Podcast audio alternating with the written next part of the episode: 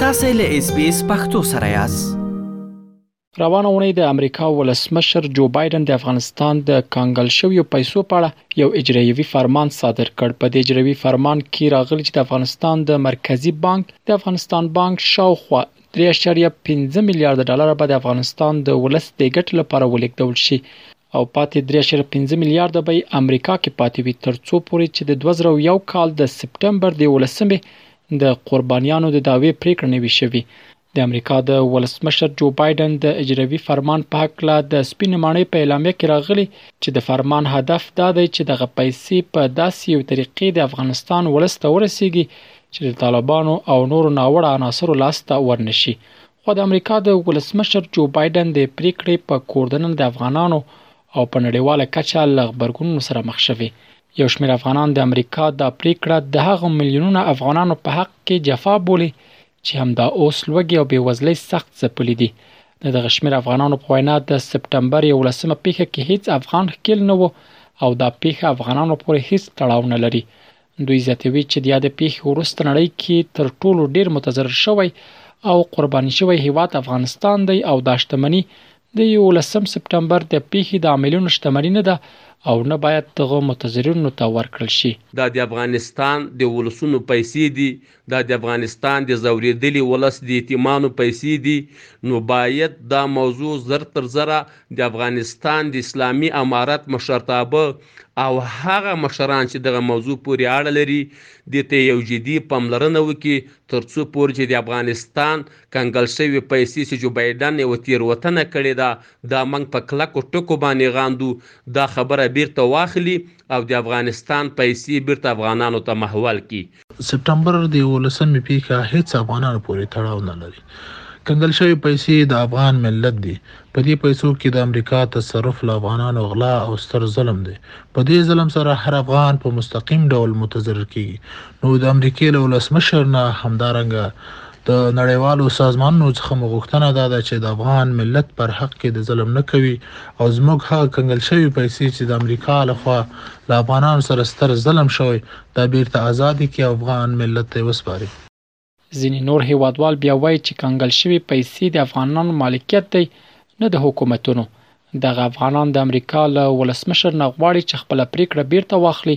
او د افغانانو شتمني دې له کوم قید او شرط پرته ازاده کړي. دا پیسې نه د افغان حکومت دي او نه هم د جمهوریت د حکومت وې، دا پیسې یوازې د افغانانو دي، د افغان ولس دي، زموږ هیله او غوښتنه دا ده چې جوبایډن باید له سره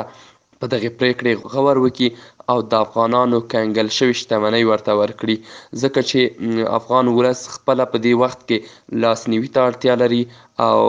په کار نه ده چی ددوی کنګل شوی شتمنی د نورو ته ورکړل شی ځکه دا د افغانانو دی او که دا د افغانانو برخلاف دا کار وشی نو دا به د افغانانو په حق کی ظلم او جفا وی. د امریکي رئیس جمهور جو بایډن پرېکړه د افغانستان له شتمنیو سره دا یو غیر عادلانه او غیر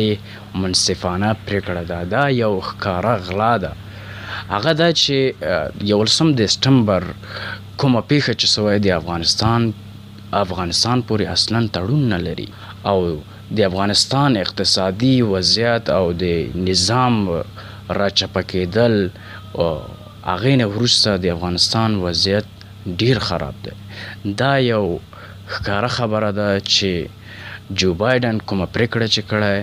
دا زموږ د افغانانو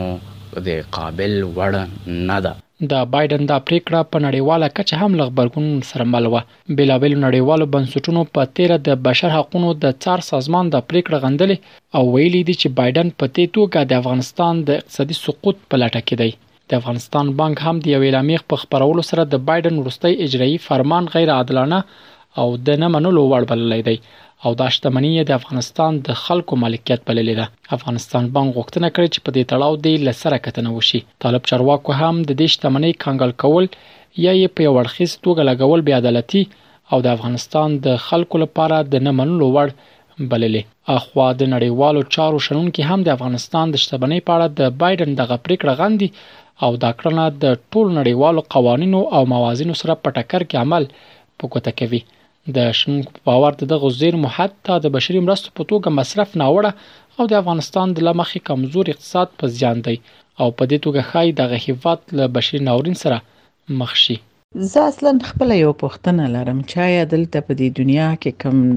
نړیوال قانون داسې شته چې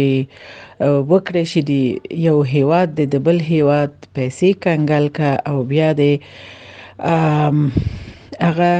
خپل هیواد وګړو ته ورکاندي نو ولو که دا پیخه لامل د د دې د دوی د دغه دی ولسم د سپتمبر په افغانستان کې وی او یا ان خپل افغانان د دې سبب ګرځیدلی وی دلته خو که جنگي غرامت هم وي هغه هم باید د یو نړیوال قانون لمخې د اصول لمخې باید دا غرامت ورکړ شي نه دا چې هر څوک راپورته شي د ولس پیسې ولو که دا پیسې خپل امریکایانو هم د جمهوریت په محل افغانانو ته ورکړي امریکا ډیر ظالمانه پریکړه کړې ده او دا د مونږ ضعف ده چې مونږ د امریکا نه دلته غرامت وانه خستو افغانان یې وژل افغانان یې مړ کړل او اول خو په 11 سپتمبر کې د افغانانو د افغانستان خلکو لاس پکې نه وو او هیڅ د سند نشته د بن لادن مسله چې و چې به د غامله کې خکیلو د امریکا ستراتیژیک ملګری په سیمه کې پاکستان د هغه په ملک او خاورې کې او د اسلام آباد تر څنګ د یو استخباراتي سیمه کې پیدا شو بنان امریکان امریکایان او غربیان دا ډیره ظالمانه پریکړه ده دا د بشر په ضد پریکړه ده او دا به افغانستان کې بشري ناورین هم منځته راوړي د یو طرف ته د بشر چیغې وي بل پلته د بشر په ضد